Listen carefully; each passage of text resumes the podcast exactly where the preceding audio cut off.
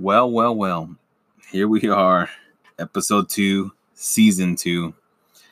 First off, I hope everybody was able to listen to season two, episode one that I released earlier today, letting y'all know that I am well, I am alive, I'm healthy, I'm content, getting by through every single obstacle that we can encounter. Um, yeah. So, first things first, I do want to just say that I hope that everybody is doing well. I hope everybody is staying safe, staying happy, staying blessed. I know right now it's a very, very difficult time to be living in right now. But, like I like to say, you know, it could be a lot worse. You know, we some of us may not have a lot of money. Some of us may not have enough food, but we are alive, we are well, we're content. We are getting by all this. We are getting by through all this together. I know it's hard, it's tough. You know, it's if it's not tough mentally, it's tough physically. If it's not tough physically, it's tough in every single position you guys can think about it. But at the end of the day, you're not the only one you know, we all have some sort of troubles that we're going through right now. You know, some of us have even more troubles that we're going through right now besides COVID 19, besides being jobless, besides working from home, besides being an essential worker. You know, it's a lot worse. And you could be one of those 1% people that can have it a lot worse. But count your blessings, look at everything that's positive in front of you, love your family, love your kids, love your loved ones, your wife, your husbands, whomever. You know, let's just be grateful and let's all just pray for each other and hope we get by this very, very quickly. Me, I am part of that group that is working from home. I am fortunate enough and blessed enough to be working from home, staying busy, staying essential in a way, and continuing to put in my expected work duties day in and day out. So I also wanted to say, I also wanted to give a huge, huge thank you to all our true essential workers out there, all our mail personnel delivering our mail, our packages, everything every single day. Truck drivers, delivery drivers, Uber drivers, Uber Eat drivers, I should say,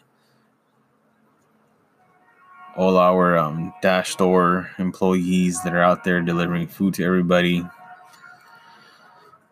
market workers, you know, just everybody working in store that's out and open right now and just dealing with all this fiasco going on. I mean, I can go on, name everybody, our cops, fire people, everybody that's out there busting their ass every day.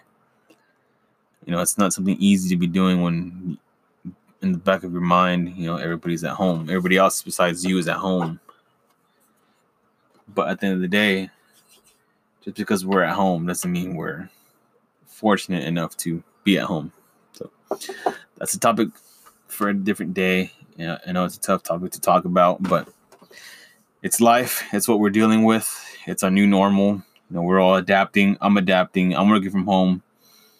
I have a makeshift office in my house which is considered my storage room, my DJ room, my work bench room where I have all my tools, and also just a desk where I'm working off of.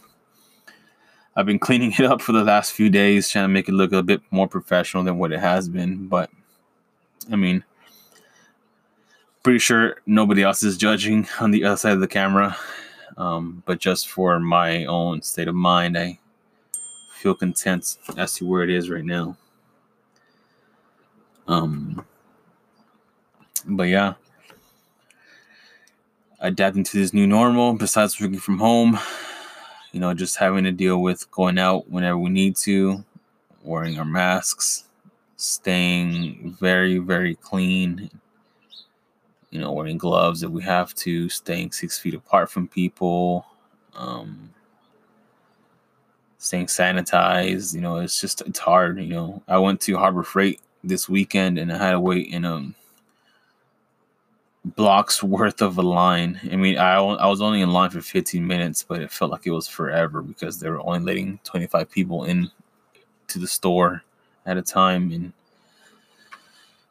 you know, we, this time right now helps us understand of all the things that we took for granted um, before COVID 19. I mean, uh, don't get me wrong, COVID 19 is, you know, this is brutal.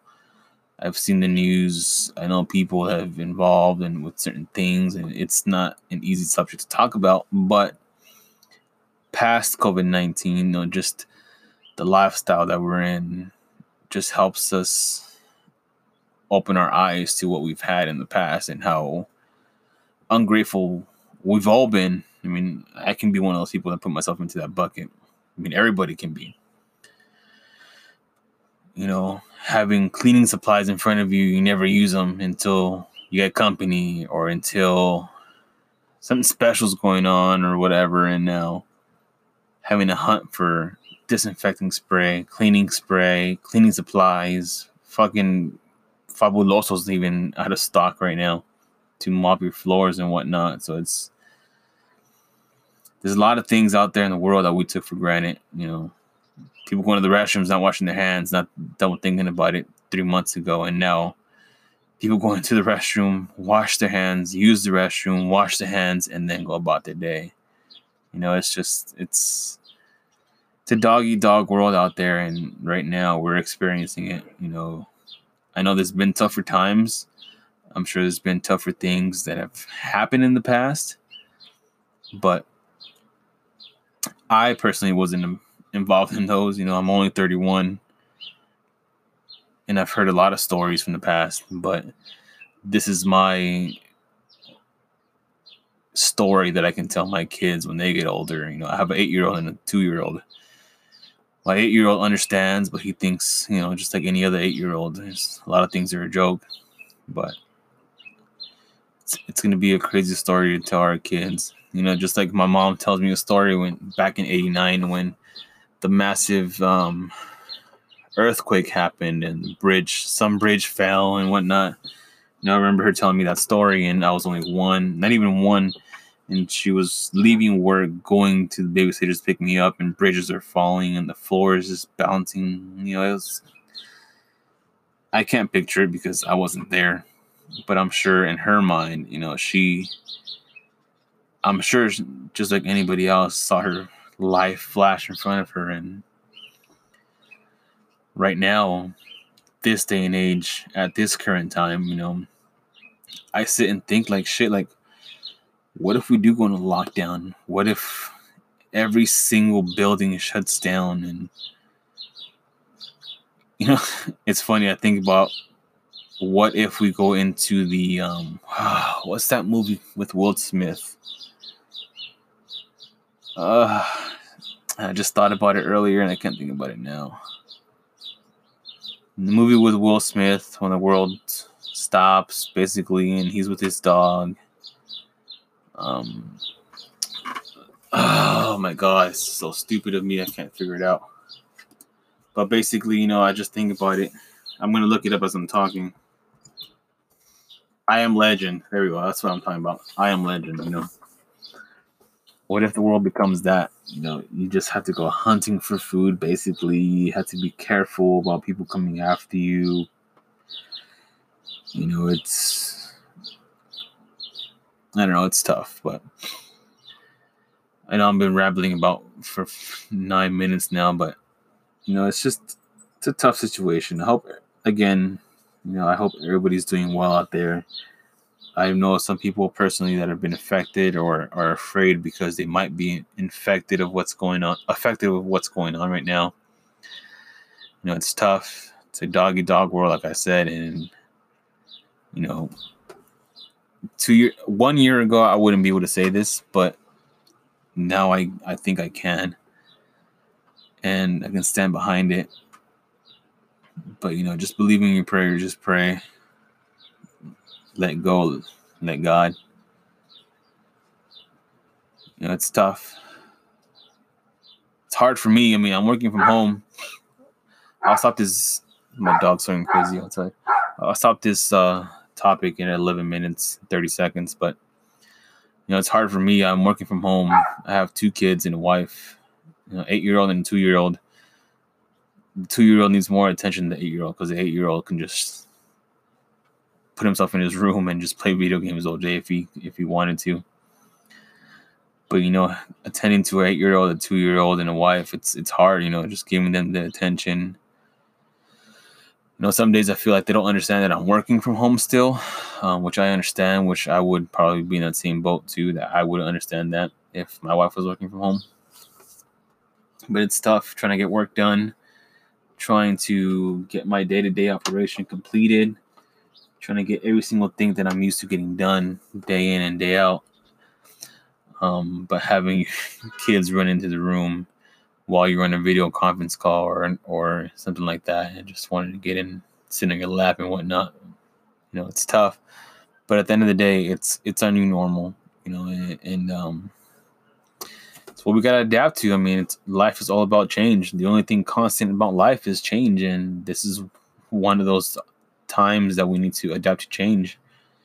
Wearing your masks, staying sanitized, staying clean, and living our lives as best as we could. I mean, I can't say anything beyond that. So, again, I can't reiterate it enough.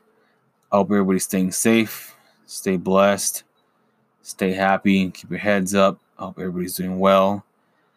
We're all in this together, and um, I hope this ends sooner rather than later. So, thank you guys for listening. I will see you guys on episode three. Thanks again.